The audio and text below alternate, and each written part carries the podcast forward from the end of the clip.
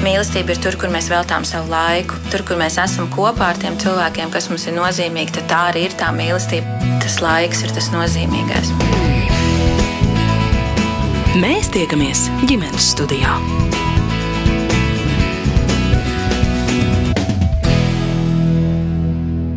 Labdien, un esiet sveicināti ģimenes studijā. Šodien, kā piekdienās ierasts, mēs dosimies ciemos, un šoreiz es Agnese Linka viesošos pie Liepiņu ģimenes ādažos. Jāņa un Lēldas ģimenē aug divas mazas meitenes, Adele un Madlēna, ar nelielu vecumu starpību, kas nozīmē, ka viņu ikdiena ir ļoti dinamiska. Jo īpaši tāpēc, ka abi vecāki strādā, pie tam Lēldei savu pagaidām puslodzes darbu izdodas savienot gan ar bērnu audzināšanu, gan mācībām kādā jomā, kas nepavisam nav saistīta ne ar viņas līdzšinējo izglītību, ne darbu. Taču visbiežāk sanāk, ka tad, kad tētim ir brīvdienas, tad mammai ir darbs un otrādi. Nereti viņu saplānoto grafiku ietekmē vēl arī bērnu slimošanas epizodes. Par spīti tam liepiņi paši vērtē, ka ģimenes ikdienu izdodas līdzsvarot un, piemēram, visiem četriem doties pat kādā garākā ceļojumā. Pagājušajā gadā meitenēm vēl tikai pusotru un divus gadus vecām esot, viņa mēnesi ar mugursomām plecos pavadījuši Āzijā. Leldas un Jāņa iepazīšanās stāsts atgādina romantiskas filmas scenāriju, un arī to liepiņa šai sarunā izstāsta, taču vispirms iepazīsimies.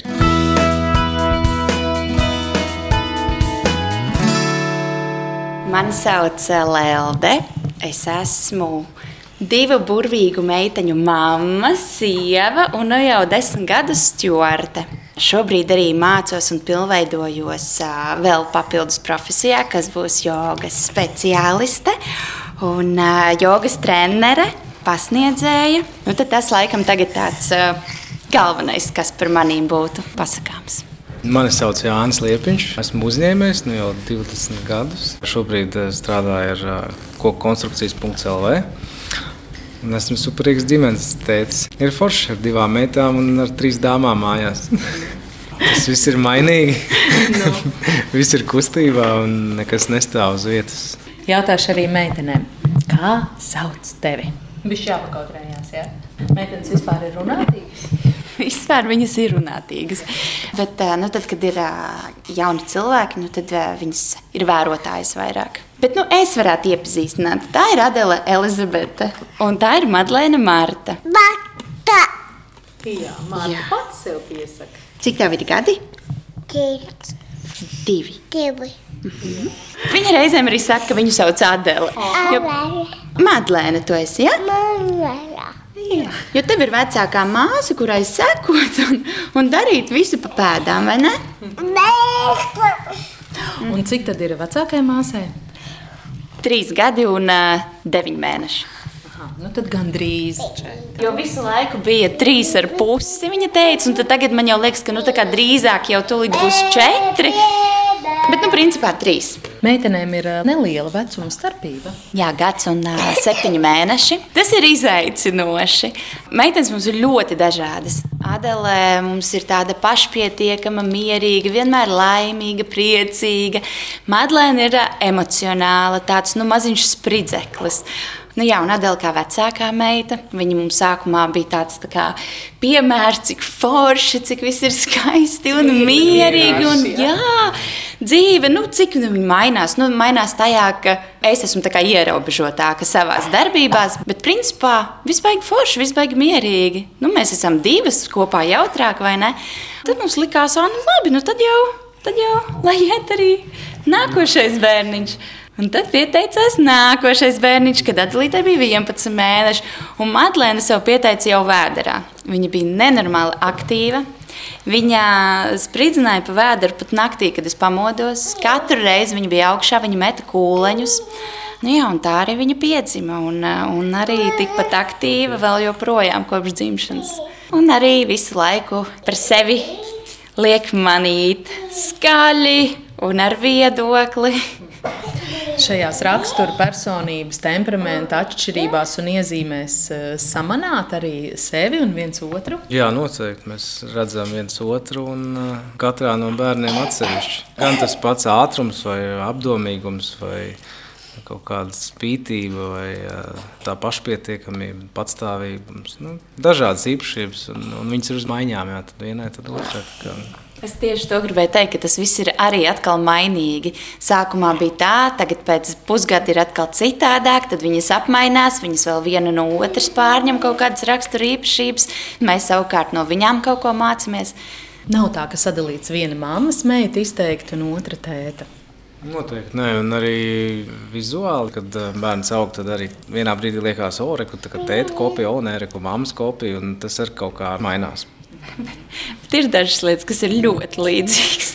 Nu, Madlēnas un, un Jāņa eh, dažreiz pārsteiguma momenti, cik viņi pārsteigti un kā viņi reaģē ar eh, visu sejas izteiksmi, un eh, tas nav mainīgi.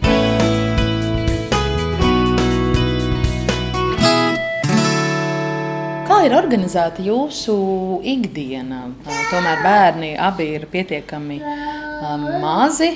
Lielu tu strādā? Savā Jā. profesijā. Stjorta profesija ir tāda slīdoša grafika, ja tā var izteikties. Četrus gadus es tieši četrus gadus nelidoju, un no es esmu beidzot atpakaļ ierindā. Lidoju gan es uz puslodzi. Tās ir viena nu, kādas 30, 40 stundas gaisā, un pārējā laikā es esmu vai nu ar bērniem, vai patiesībā arī mācībās. Jā, tā kā mans laiks ir sadalīts trīs daļās šobrīd - darbs, mācības un bērni. Bet uh, bērni it kā ir maziņi, bet tajā pašā laikā jau tik lieli, ka viņas jau arī iet uz dārziņu un, un jūtās ļoti labi esot tur. Tad šo teiksmaino profesiju to ir viegli vai sarežģīti savienot ar ģimenes dzīvi. Nu, tā reāli bērni labi, viņi iet dārziņā, viņš arī slimo.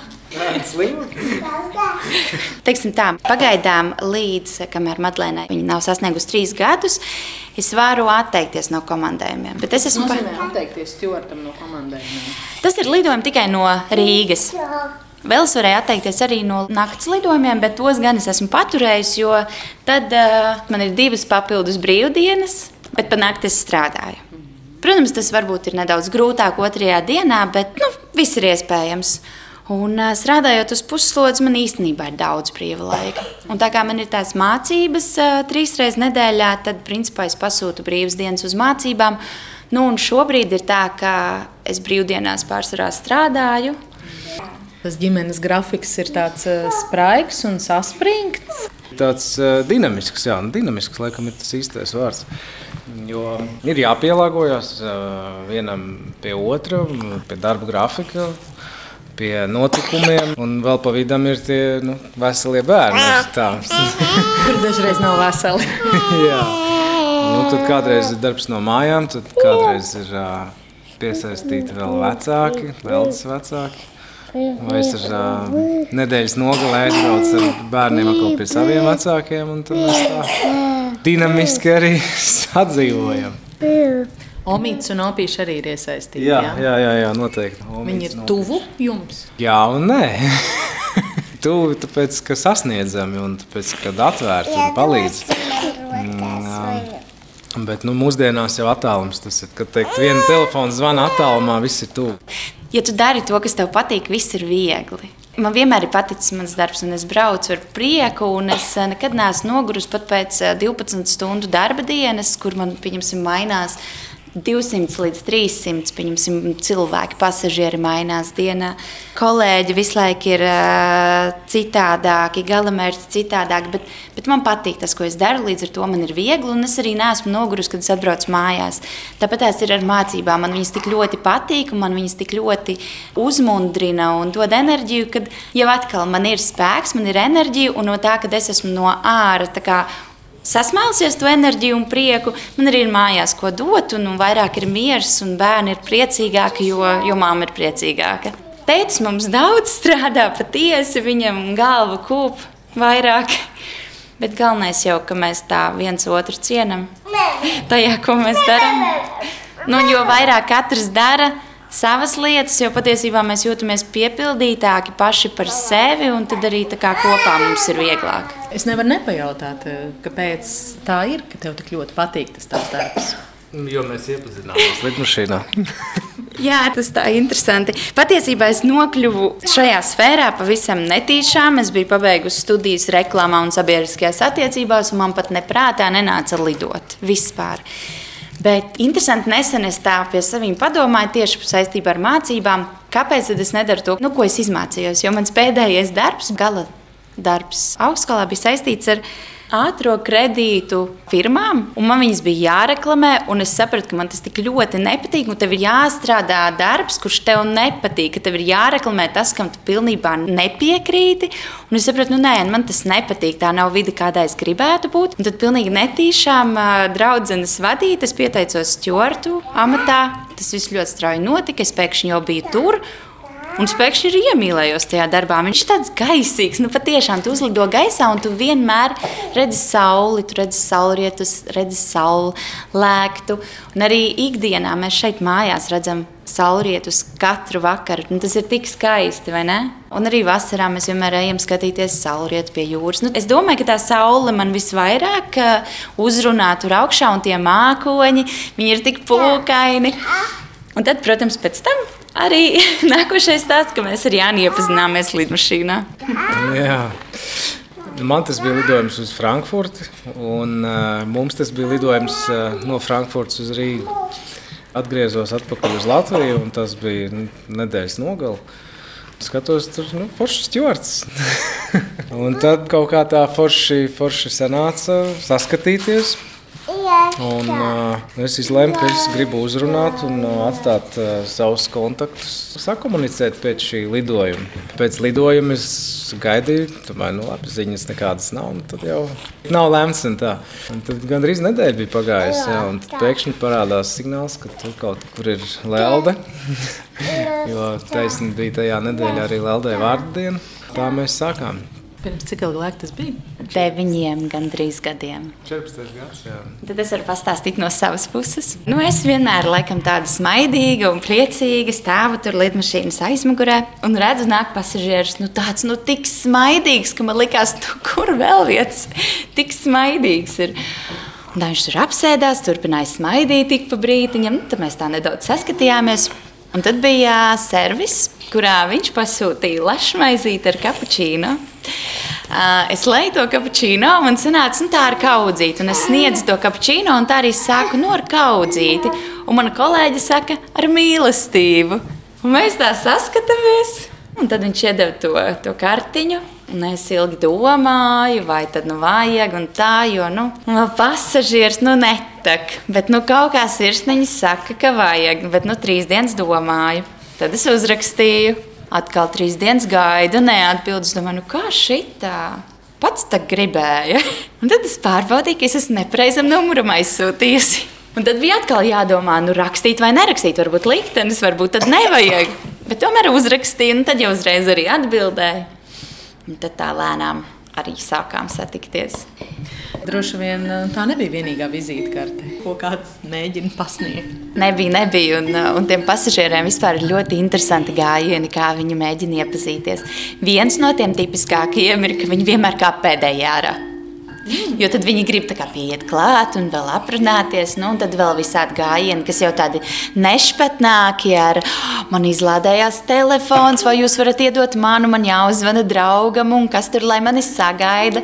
Nu, jā, arī tādi gājieni ir. Dod savas vizītkartes. Un, uh, man pašā sākumā bija arī sociālajos tīklos ierakstīts, ka es strādāju attiecīgajā kompānijā. Un tad cilvēki nu, biežāk mani uzrunāja, un tad es to izņēmu ārā. Tas jau ir atkritis, bet nu, jā, tā viņi dara. Un, kā tas stāsts tālāk attīstījās? Mums bija tāda foršais pirmais randiņš, un tās sajūtas vispār bija ļoti interesantas. Nu, mēs sarunājām, satikties pie lidostas. Nu, tad braukšu pretī un sagaidīšu pēc darba, jo nu, viņai tas toreiz bija grafiks ļoti, ļoti pilns. Un, un es tagad skatos, ja brauc man viena dāma pretī, mati plīvo. Koferis brauc līdzi. Kā ar visu koferi jau uz pirmo randiņu. Jā, un tad mēs um, atvadoties. Um, Mums bija saruna par to nākamo randiņu, un tā un es saku, nu, tagad uh, kaut kā sakrit tādas, tāda situācija, ka es saku, nu, nu tagad, ja gribēs satikt, nu, tad Parīzē tagad. Un tas tādu piedeva tādu paigo odziņu. Jo tur es jau biju iegādājies biļetes uz, uz, uz uh, Ziemassvētkos uz uh, Parīzi. Bija tāds bērnības uh, sapnis pēc remarka grāmatas, ka gribējās uh, sagaidīt tieši to sajūtu Ziemassvētkos uh, Parīzē. Un es pat tā neticēju, ka Lelde atlidos. Tiešām, jā, es biju Parīzē un tiešām Lelde atlido un sagaidīju. Mums bija um, superīgi randiņi Parīzē, kā tas ir skaistākā filmās. Tā tas turpinājās. Aizbraucu vakariņās uz Parīzi. Stūrtiem laikam ir īpaši nosacījumi, lai to tā viegli varētu arī realizēt. Ja? Tā tas ir. Jā. Tas nav pārāk sarežģīti. Tāpēc es arī uh, daudz nedomāju. Cik drīz jūs kļuvāt par liepiņu ģimeni? Ne tik drīz, pēc uh, četriem gadiem, četriem tādiem izaicinošiem gadiem. Nu jā, jo tur arī pa vēl bija garie komandējumi, Vietnama. Un, un, Tur bija daudz kas. Kaut kur bija jābūt manai spītībai, lai mēs varētu un atkal un atkal un atkal satikties un turpināt. Jā, bet tā motivācija laikam bija pietiekami augsta. Mana sieva Lelde ir pietiekami forša. Paldies! Tu arī esi forši!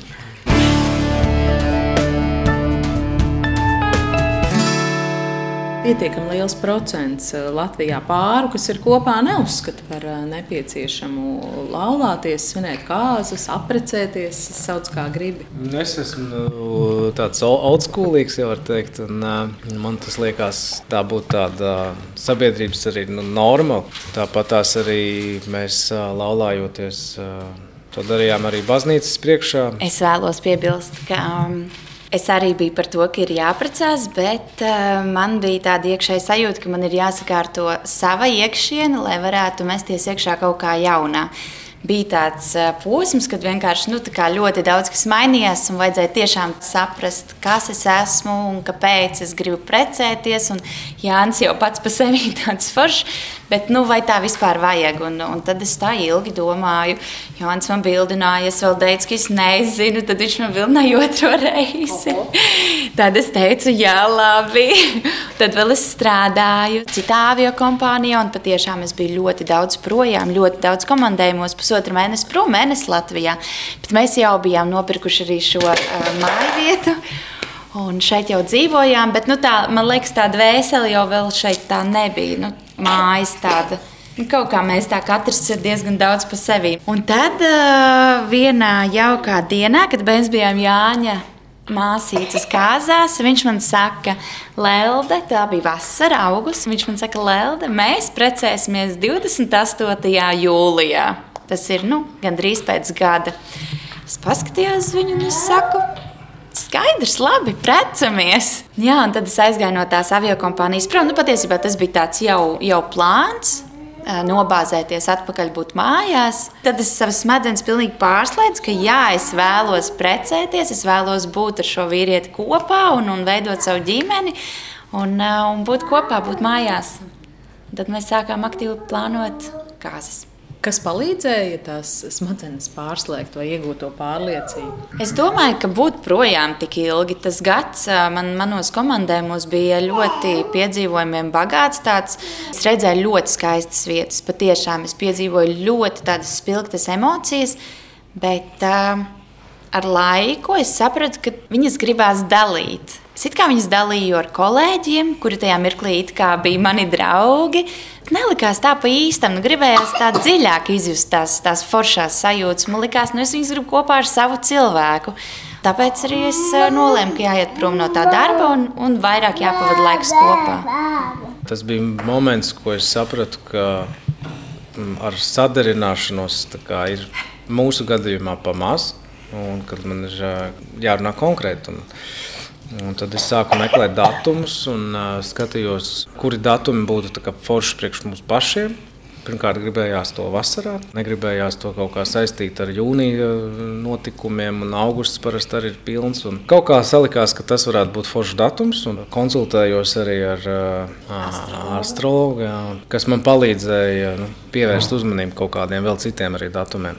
Tad sanāk, ka tieši šis 28. jūlijas bija tas datums, kuru es piedāvāju Leldē. Viņi pieņēma. Tātad es piedāvāju pārbaudīt vērtības. Es biju apsvērts no visām pusēm un sapratu, ka tas mums būs labs datums. kā Jānis man vienreiz teica, tas mūs harmonizē šot visveiksmīgāk. Mūsu tās enerģijas, jā, kas plūst te mums ļoti aktīvi. Viss tas ir tā tik skaisti. Bet kas ir tie izaicinošie brīži vai, vai sarežģījumi vai krīzes bijušas eh, jūsu attiecībās, jūsu ģimenes ceļā? Ir tādi arī bijuši. Nu, noteikti, jā, noteikti ir bijuši, un viņi periodiski atgriežas. Tas ir pavisam normāli. Arī es tā domāju. Mūsu gadījumā vai precīzāk, manā gadījumā strīdu iemesli vai mazās krīzītes vienmēr ir saistītas ar to kvalitatīvi pavadīto laiku kopā. Jānis mums ļoti strādīgs un čakls vīrietis, kurš veltā ārkārtīgi daudz enerģijas savam darbiņam. Un, nu, un tas visbiežāk man neapmierina un pietrūkst. Un, un tas arī ir mūsu strīdu cēlonis parasti no manas puses. Laikam jau daudz Jā, vīriešu nu, sirgsta, sirgsta ar to daudz strādāšanu. Nu, es esmu pēc būtības ļoti komunikabls un uh, izpalīdzīgs. Un, uh, tāpēc arī varbūt ir tā, ka uh, bieži gadījumi, kad ir grūti izvērtēt šīs prioritātes. Un, nu, kā privātam uzņēmējam, diezgan uh, nu, lieli tie izaicinājumi pieņemt šos lēmumus, uh, kurā brīdī es varu izslēgt telefonu vai neatbildēt. Vai, vai atteikt, vai ignorēt. Un, nu, protams, tam visam aizmugurē protams, ir ģimene. Tas ir tāds uh, lielais izaicinājums. Mana izvēle ir bijusi būt par uzņēmēju un turos.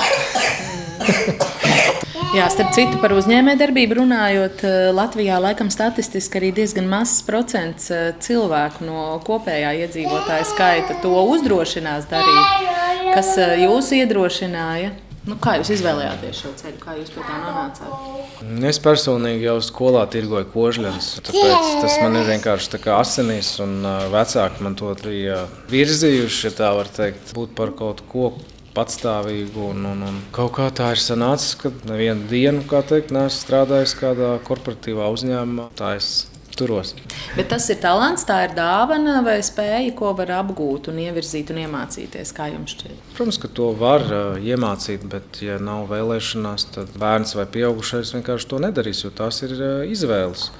Un uh, droši vien arī kaut kāda apstākļu sakritības, un veiksmes stāsts un talants. Un, nu, tur būs daudz dažādu faktori, kas to ietekmē. Primārais jau ir pašam tā cilvēka motivācija. Bet visiem var palīdzēt, ja ir vēlēšanās. Nu, ja bērns gribēs, izrādīs interesi, kad gribās, mēs nododam paudzē zināšanas, un tas jau būs neizbēgami, ja kādam no bērniem būs šī vēlēšanās. Mēdz jau teikt, ka veiksmīgs uzņēmējs ir nevis tas, kuram izdodas viss brīnišķīgi un gludi kā pa sviestu ar pirmo reizi, bet tas, kurš piecelsies arī pēc devītās neveiksmes un mēģinās desmito. Tad Jānis ir speciālists šajā jomā.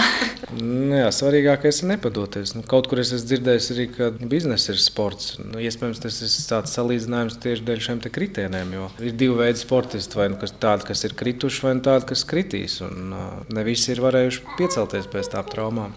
Kā, kā jau es iepriekš minēju, vārds veiksme ir būtiski. Jā, pieminētais talants ir svarīgi. Galvenais ir pilnveidoties, mācīties, atzīt kļūdas un iet uz priekšu. Donnez-moi une suite au Ritz, je n'en veux. Mēs tiekamies ģimenes studijā.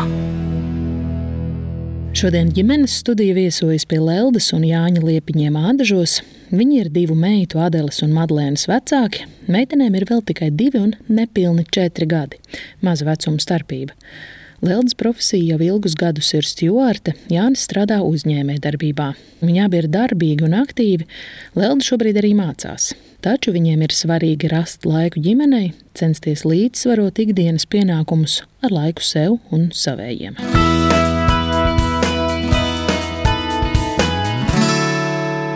Cik tradicionāli jums ir eh, sadalītas lomas ģimenē? Vīriešu lietas, sieviešu lietas, darbi, ģimenes dzīves segmenti, par ko kuram ir eh, jāatbild.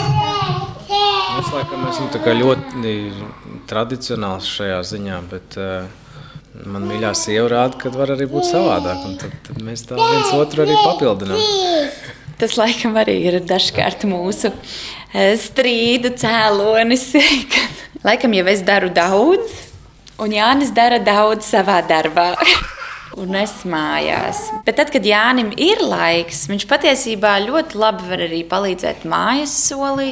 Viņš lēnā garā to arī parāda citreiz. Es domāju, ka galvenais ir sabalansēt vispirms uh, savas darba jomas, un tad tev ir spēks arī visam citam. Tāpat arī mājas darbiem, bet uh, arī mājas darbi, manuprāt, nevajag pārcensties ar viņiem, ja tie pārņem visu tavu brīvo laiku. Nu, teiksim tā, mašīnu es nelaboju, tas ir uh, Jāņa darbiņš.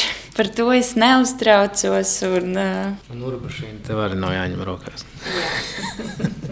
Cik lielā mērā šie modeļi un visas attiecību schēmas un nianses, kā tas ir pārmantojies no jūsu ģimenēm, no kurām jūs nākat, tām pieredzēm? Nu, mums ir īstenībā ļoti dažādas ģimenes, manuprāt. It kā savā ziņā kaut kas vienojošs, bet arī, arī savā ziņā dažādas. Jāni, pieņemsim, ģimene ir ļoti tāda tiešām uz šiem standartiem, kad ir vīriešu darbi, ir sieviešu darbi, vīrieši nejaucās sieviešu darbos un sievietes vīriešu darbos. Un arī ļoti tā latviski, pēc dažādām latviešu tradīcijām. Mani vecāki ir nedaudz savādāki. Mans tētis arī māca visu darīt, un viņš arī ļoti daudz dara. Viņš mums visus ir ļoti lutinājis. Bet mana mamma savukārt ir ļoti sievišķīga. Viņa tā arī pateiks, un viņai būs tāda arī nostāja. Es to nedaru, un es nemaz nebāzīšos. Nu, lai tas vīrs tad uh, slēdz to veļas mašīnu vienmēr iekšā, un es pat izlikšos, ka man nav ne jausmas, kā tas ir jādara. Nu, ļoti sievišķīgi, jā. Bet nu, tētis ļoti daudz darbiņus dara. Ļoti daudz darbiņus dara jā.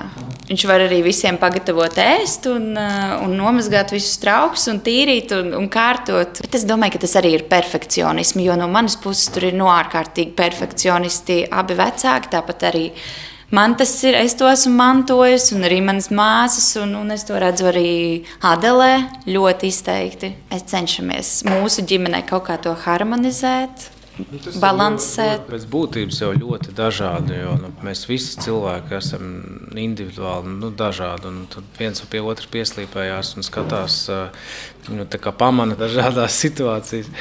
Vecāki noteikti ir gan manējie, gan, gan Leldes nu, ar dažādām pieredzēm un, un dažādām situācijām. Mēs abi esam no kuplām ģimenēm. Mums ir brāļi un māsas. Lelde ir četras māsas kopā.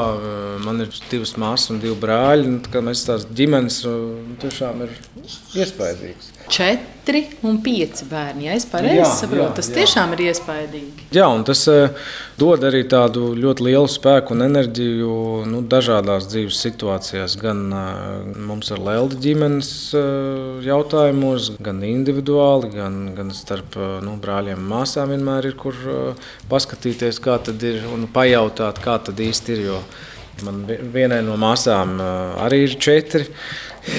kā, jā, nu, mēs esam tādi. Kad ir dzimtas pasākums, tad, tad noteikti ir ļoti kupls skaits. Opīši ir priecīgi, ka viņiem ir daudz, daudz mazbērnu. Viens no tādiem salīdzinājumiem, ka mani vecāki biežākajos gadījumos aizkavēsies vai ieradīsies ar nokavēšanos. Bet viņi vienmēr ieradīsies, kas arī ir svarīgi. Lieldas vecāki arī vienmēr ieradīsies, bet uh, viņi būs laicīgi. Viņi būs minūtes piecas pirms vai, vai desmit, vai nu, viņi vienmēr būs laicīgi. Un tas ir tas, kas, piemēram, no bērnības tad, tad man ir nācis līdzi. Un, un, un es zinu, ka es paspēšu, es būšu. Bet, nu, ja es kaut ko bijuši nokavēju, tad uh, man tā ir no bērnības jau pielaides norma, ja tā var teikt. Un uh, nevienmēr es par to esmu priecīgs. Tāpēc arī laikam ir tāds. Uh, teiciens, ka kaut kā vienmēr izdotos būt laikā. Nu, tā sajūta, ka tu tiešām esi tajā pareizajā laikā, un tad arī viss notiek. Vai jūs sevi kā vecākos arī redzat uh, iepriekšējo pauģu mantojumu?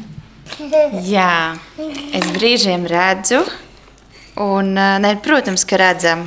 Es cenšos mācīties un iemācīties uh, darīt citādāk būt harmonijā, cienīt sevi pirmām kārtām, nedarīt pāri sev, cienīt bērnus, bērnu viedokli, bērnu domas. Agrāk jau nu, mēs zinām, bija nedaudz citādāk. Viss bija ātri, viss bija jāizdara bez tur liekām ierunām, jā, tas, kas jāēd un tā tālāk. redzot to un mācoties un attīstot sevi, cenšos harmonizēt sevi, savu iekšieni, lai tad arī bērniem ļautu izpausties un uh, būt viņiem. Mūsdienās saka, ka šai paudzei, tagad jaunajiem vecākiem, jau aizvien sarežģītāk būt par vecākiem, jo mums ir ļoti daudz informācijas par to, kā vajag. Jūs to izjūtat? Protams, ka tas ir izjūtams arī piemēram, kā nevajag. Jā, nevajag ka, tā kā varbūt lielākā atšķirība, kas ir pa tiem gadu desmitiem, kad mēs bijām bērni. Vai, kad mēs domājām par ģimenēm, ka tagad ir mazie tehnoloģija, ir ļoti mainījusies, informācijas aprite un pieejamība. Un, un tas ir tas, kas arī paņem ikdienā laiku. Paņem lieku enerģiju, liekas domas, bieži vien mēs dabūjam pasmadzeņot to, kas pilnīgi varētu nebūt. Bet nu, labi, ka mēs esam cilvēki, un, un, un tas saprāts mūs aizved kaut kur pareizajā virzienā. Par to informācijas daudzumu jā, mums ir ļoti jāfiltrē. Viņš tiešām ir daudz sevišķi jaunajām mamām. Viņš ir ārprātīgi daudz un izlobīt, kas tad būs tas pareizākais. Visi šie māmiņu fórumi, kur mammas tur janvārēni, septembrēni un tā joprojām dalās ar, ar to pareizi, kurš patiesībā, nu, varbūt viņam ir pareizi, bet man liekas, pilnīgi nepareizi. Viņš to pasniedz kā to vienu vienīgo patieso lietu. Nu, Nu, tas, tas ir grūti. Cevišķi, jā, cevišķi māmiņām, jaunajām ir ļoti grūti, jo tā informācija ir daudz. Bet man liekas, ka galvenais ir zināt vispār kaut kādas informācijas avotus, kur ņemt to informāciju, un tad viņu pašam izlobīt un, un vadīties pēc sajūtām. Jā, man šķiet, mēs diezgan labi vadāmies pēc sajūtām, mēs ieklausāmies sevi un, un savos bērnos. Nevis Instagramā. Jā, Jā Instagrams ļoti, ļoti maldina. Instagrams motivē, patiešām viņš motivē. Motivē citreiz piecelties, citreiz viņš motivē uztaisīt, ēst garšīgi, sakārtot māju vai iziet ārā, kaut ko feinu padarīt. Viņš tādā ziņā motivē. Teiksim tā, man, man viņš negrauj ne pašvērtējumu, neko, bet uh, es vairāk ņemu kā motivatoru. Bet nu, informāciju es ļoti filtrēju un, un neskatos tos profilus, kur man māca, kā dzīvot. To gan nē. To es lasu grāmatas, cik nu man sanāk, bet cenšos un ieklausos sevi. Tas patiešām ir pats pats galvenais. Tas, ko es arī tagad mācos, tas viss ir vērts par ieklausīšanos sevi, sajust sevi, savu ķermeni, savu prātu, viņš mums visu pasaka priekšā. Tāpat kā ko mums darīt, ko mums ēst un kā mums arī attiekties pret saviem bērniem.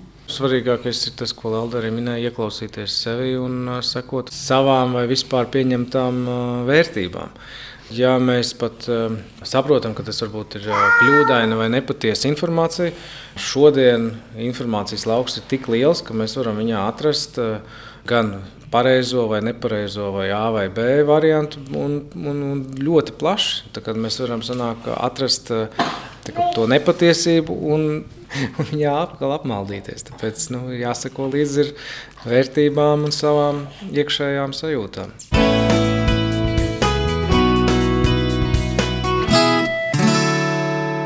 Kamēr tu Lelda bija uz brīdi aizgājusi ar mazo Jānis, man izstāstīja, cik lielas ir kuplas arī jūsu ģimenes, no kurām jūs nākat tieši bērnu skaita ziņā. Tu esi no četru bērnu ģimenes, un viņš no pieciem tā ir tāda milzīga arī pieredze un bagātība arī tajā pašā sadzīvošanā, saskarsmē, komunikācijā. Jā, vecākā māsa nekad nav dzīvojusi kopā ar mums, bet tā mēs būtībā esam bijuši pieci četras dāmas un tētis. Man ir diezgan liela šķiet, starpība vecuma. Man ir nākamā māsa ir sešus gadus vecāka, pēc tam astoņi, deviņi gadi vecāka, un tad vēl 11 gadus vecāka māsa. Es visu laiku biju nedaudz tā kā pasargāta no kaut kā, jo es biju tā mazākā. Jo tad diezgan ātri arī manā māsā aizgāja projām no mājām, dzīvot citur. Līdz ar to Viss, ko es lielākoties atceros, ir, ka mēs visu laiku kaut kur devāmies. Visu laiku braucām, katras brīvdienas, kādos braucienos, māma ar tēti cītīgi organizēja. Visu laiku bijām darbībā, visu laiku kaut ko braucām skatīties un, un darīt. Un tā kuplā, kuplā pulkā, un redz, kā varējām. Tagad ļoti daudz saka, vai nē, mēs nevaram, mums ir bērni. Nu, visu var, visu var, ja gribās. Ko jūs darat un ko jums gribās? Ceļot gribās. Aha, ar bērniem. Jā, jā. Arī tagad paceļojat. Jā, mums ļoti patīk doties piedzīvojumos ar bērniem. Mēs vasarās vienmēr kempingojam, braucam ar telti uz kādām nezināmām vietām. Šeit pat Latvijā Šeit pat Latvijā, jā, paliekam nekurienes vidū, dzīvojam tā ļoti primitīvi, tā teikt, bez labierīcībām, pa vienkāršo, jā, vienkārši ar dabu pie dabas. Tie ir tādi patiesībā labākie momenti. Pēdējais bija tāds, ka tur arī zona nebija telefonam. Tas bija kolosāli. Patiešām vienkārši burvīgi, jo tu vari parunāties un, un būt netraucēts no apkārtējās pasaules. Tas, tas ir mūsu, mūsu jau tradīcija, trīs gadus. Arī ar pavisam maziem bērniņiem. Nu, bija, protams, ka bija izaicinoši, kā mēs tagad gulēsim tur uz, uz matrača, un, un, un tā pavisam mazā vēl ir maza. Un vai pa nakti nebūs tur augsts, vai uz matrača mēs tur nenospiedīsim. Nu, vēl vis, visādas tur tās domas.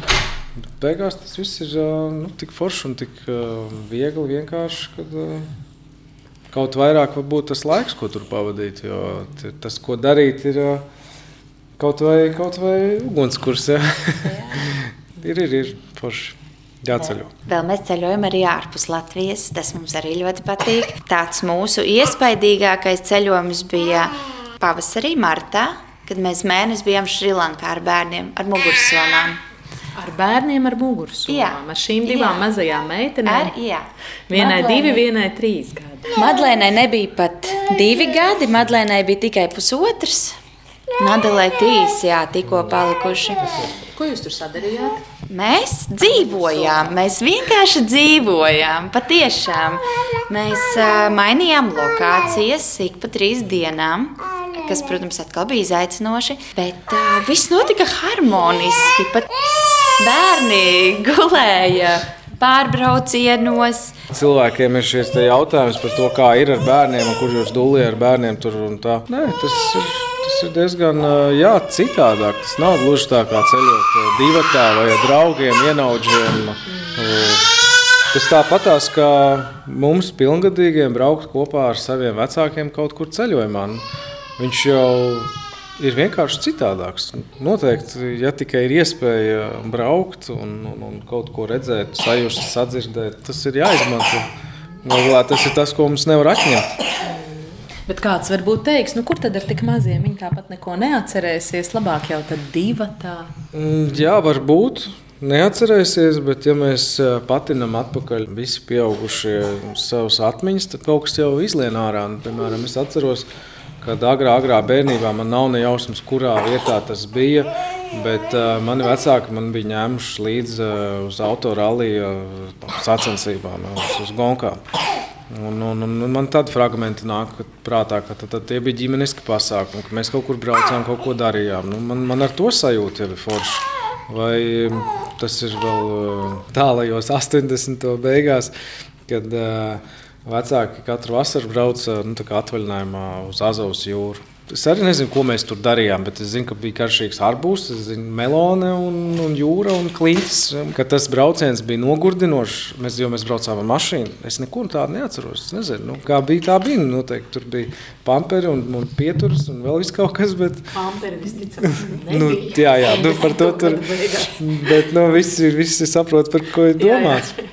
Un Tā kā, nu, es domāju, ka vajag tās atmiņas arī maziem bērniem. Vajag. Un mūsu lielākais nu, tāds, piemērs vai atklāsme atbildi uz šo bija, kad mēs bijām ceļojumā Šrilankā. Un uh, gājām tur uh, pa vienu svētvietu, kur, kur bija tā, kā nu, mums tā būtu baznīca, tur tā bija stupa, kur mēs gājām viņai apkārt. Un, un Adela, kur ir trīsgadīga meitene, pilnā balsī dziedāja frāzi: Pasaule ir liela. Mēs kā vispār nebijām nekad dzirdējuši, kad viņi saka vārdu pasaule, un vēl saliekot šos vārdus kopā un, un izdziedāja. Un, nu, tas, tas bija Nu, mums tāds liels pārsteigums un patīkams notikums. Un katrā ziņā nu, mēs ar sievu to noteikti atcerēsimies. Un, un, un iespējams, ka arī viņai varbūt pēc 20 gadiem šis fragments pēkšņi pašai atmiņā atnāk. Es domāju, ka šeit arī nedaudz ir atbilde par to, ko mēs tur darījām. Mēs smēlāmies to enerģiju. Teiksim, tā braucot uz Āziju, kur ir attiecīgās reliģijas, piemēram, budisms, Cilvēki vienkārši izstaro to enerģiju, to patīkamu enerģiju, to labsirdību un pozitīvismu. Un esot tur, tu vienkārši esi tajā enerģijas burbulī un tu viņu uzsūc. Bērni vispār absorbē visu, un tad tur mēs redzējām, ka viņi absorbē nu, tik spēcīgi, Adela katru reizi, kad mēs iegājām kādā viņu svētvietā, viņa teica, es esmu mājās. Es nekur vairs negribu iet, un viņi taču nezina, kas tas ir vispār. Nu, viens ir, ka mēs kaut ko pastāstām, bet mums jau pieaugušiem ir tie priekšstati, kuri tik ļoti spēcīgi strādā pat ar jaunām lietām. It kā mēs esam šobrīd šajā momentā un par nākošo neko nezinām, bet mēs jau izstrādājam kaut kādu priekšstatu, kas notiks. Tad bērniem tāda nav. Viņi tikai uzsūta, un mēs redzējām, ka viņi uzsūta kolosāli to, to enerģiju, un, un ir tik labsirdīgi un priecīgi. Lūdzās, iedomājieties, mēs ieejam templī, kur notiek tieši lūkšanās. Un abas nometās ceļos, apskatījušās, kas notiek, un abas saliek rociņas priekšā, namastē, un, un skatās, un lūdzās, un ir laimīgas, un pēc tam tik salds miedziņš, un tik labi pēdušas. Un patiešām Tas ir to vērts pat tad, ja viņi neatcerēsies šo pludmali vai tās garneles, ko mēs esam ēduši. Viņi būs bijuši tajā enerģijā, un tas ir tas, kā viņas ir augušas, kas veidos, es ceru, viņas. Tāpat dzird uh, citas valodas, uh, redz uh, cilvēkus citās ādas krāsās. Uh, kas uh, kā mums bija arī interesanti tāda pieredze, ko mēs nekad nebūtu izbaudījuši bez bērniem. Pieaugušie grib pieskarties bērnam. Un mums vienā brīdī likās, ka nu, tas ir tikai tāpēc, ka tur un mēs Baltijā, un tur mājās meitenes blondas, un tur vēl visādi stāsti. Un beigās, kad mēs atgriežamies uh, Latvijā, tad, tad es pēkšņi sāku pamanīt, ka arī mūsējie nu, grib pieskarties bērniem. Nu, tas nav tā, ka tur ir tāpēc, ka Baltija un nu, tur vēl kaut kas. Tā kā, nu, jā, tāds novērojums man personīgi bija nu, atklāsme. Jā, Tikai pēc ceļojuma. Latvijā es to nepamanīju. Nu, jā, viņiem tur tas ir nedaudz reliģiski, nu, tā kā no tās filozofijas. Jā. Bet acīm redzot, tur kaut kas apakšā ir vai ne kaut kāda bāze, kaut kāda enerģijas apmaiņa. Ja jau arī Latvijā, tomēr, nu, lai cik mēs būtu tik ziemeļnieciski un, un tādi vēsi, jā, nu, cilvēkiem jau gribas to siltumu, tur pačamdīt kontaktu. Gribās, gribās. Mēs vienkārši sevi ļoti, ļoti ierobežojam. Tad ceļojot, mēs redzam, cik tas viss ir dažādi ka var būt citādāk. Starp citu, mums bērni ļoti feini spēlējās ar vietējiem bērniem. Tur Jānis arī tajā ceļojumā strādāja. Un tad uh, mēs reizēm ar meitenēm aizgājām trietā, vis kaut kur pastaigāties. Tad bija situācija, ka mēs aizgājām pašā vakarā uz saulrietu, uz jūru. Un es biju domājis, ka mēs aiziesim uz mazu brīdiņu līdz jūrai un atpakaļ. Un beigās mēs tur pavadījām tik ilgi, ka Jānis jau nāca mūs meklēt, eh, jo meitenes aizspēlējās ar vietējiem. Viņas lieliski sapratās, komunicēja. Un tur bija tāda tīra draudzība, jo viņi it kā viens otru nesaprata neko. Bet īstenībā saprata ļoti Bet labi. Tā bija viena lieta, jā, spēlējās kopā. Spēlējās, jau mainījās un dalījās. Un viņiem tur bija tāda komunikācija. Tad, jā, vietējās mammas ļoti bieži prasīja kā kontaktus un teica, varbūt mēs varam aiziet ciemos, padraudzēties kopā. Vienreiz mēs pat bijām ciemos pie vietējiem. Tur visa ģimene sabrauca, visi nāca, vi cienīja mūs. Nu, ļoti feini, jo nu, tas ir tas, kā arī mēs ceļojam. Mēs, mēs it kā ejam apskatīt arī tos visādus apskates objektus, kā kaut ko plānojam, bet arī plūstam un ļaujamies un ejam garām, re, kur mūs uzrunāja vietējais, mēs arī aprunājamies. Neviens cilvēks mums nav tāpat vien vai neceļā. Visam ir kaut kāda jēga, tad tā arī ir. Jā, mēs iepazināmies ar vietējiem diezgan daudz, mēs kaut ko uzzinājām, bija vērtīgi. Kā tu nonāci līdz jogai? Man šķiet, ka tad, kad es to darbiņu savā skolā aizstāvēju, Jo es ātriem kredītiem? Jā, jā, jo es vienkārši tiešām tagad mācoties, man pēkšņi tāds flashbacks uz to, to mirkli, kad es stāvēju auditorijas priekšā un domāju, Man tas tā nepatīk. Tik ļoti. Tas ir tik tālu no patiesa. Kad laikam kaut kā tad tas viss sākās. Jo patiesībā, jā, pēc kāda gada es kļuvu par veģetārieti pilnīgi netīšām. Nāca pavasaris, visi runāja par šašliku, un es domāju, hm, negribu, dīvaini. Un tad es tā lēnām arī sāku atteikties ar vien vairāk, jo sākumā jau likās, ko tad es ēdīšu vispār.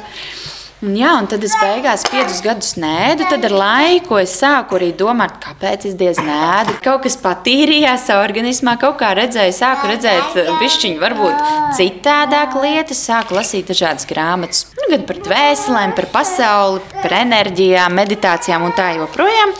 Tad es sāku arī jogu, tad es sāku strādāt darbiņā, kurā es sāku ceļot vairāk. Iepazinos senāk ar austrumu kultūru, jo es sāku ceļot principā vairāk uz Āzijas valstīm. Un tagad es arī saprotu, kāpēc, jo tur bija tā enerģija, tā, kas, par ko es arī tagad mācos, tā filozofija, un viņa ir patīkama.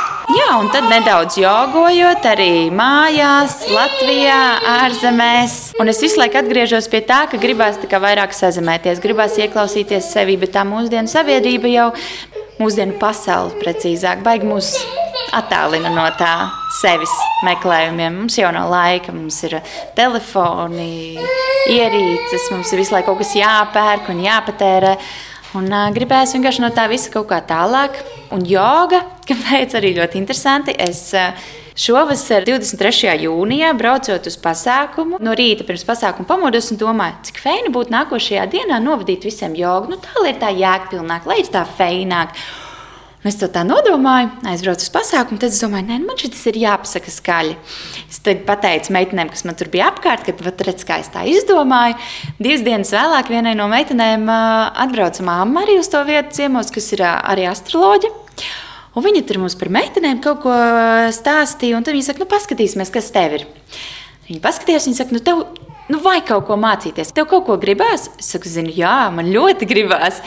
Es izdomāju pirms divām dienām, ka es gribu jogu mācīties. Viņa saka, bet vajag. Nu, ja gribās, tad vajag.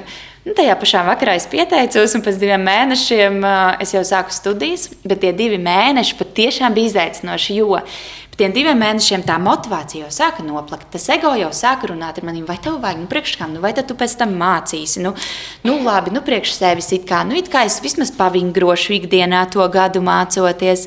Uh, nu, kaut ko uzzināšu, nu, būs jau forši, nu, bet priekš kam? Nu, vai tad es tiešām to pēc tam darīšu? Ļoti labi, kad viss jau bija parakstīts, viss jau bija izdarīts, un te no es esmu divus mēnešus jau mācoties ļoti daudz ieguvusi uzzinājis, ka tā nav tikai tāda vingrošana, sausa, un, un, un ka tā ir vesela filozofija un dzīvesveids. Un, uh, tas ļoti mums palīdz ikdienā. Patiešām es redzu, cik harmoniskāk ir mūsu ikdienas ģimenes dzīve. Veselības ziņā, labi, meitenes šobrīd ir apslimušas, bet uh, Es neesmu līdz ar viņām apslimusi. Es jau divus mēnešus katru rītu sevi disciplinēju ar uh, vingrojumiem, ar dažādām attīrīšanās tehnikām, ar visu. Tā ir ļoti liela disciplīna, ko es esmu ielikusi jau savā ikdienas uh, rīta rituālā. Vairāk spēka, vairāk enerģijas, prieks un galu galā laimīgāka ģimene. Hey, laimīņa, tu papriekšu, es tavās ipē. Šodien ģimenes studijā tikāmies ar Liepiņu ģimeni no Ādažiem, ar Leldi un Jāni, nedaudz piedaloties arī Adelei un Madlēnai. Sarunājos es Agnese Linka par raidījuma tapšanu gādāja arī Nora Mitspapa un Liena Vīmba. Lai jums jauks un ģimenisks šīs brīvdienas un pirmā adventa svētdiena, atgādināšu, ka ģimenes studiju dzirdam arī visās populārākajās podkāstu vietnēs, Latvijas radio mobilajā aplikācijā un labākais no mūsu radītā satura arī ģimenes studijas sociālos tīklos uz tikšanos un sadzirdēšanos!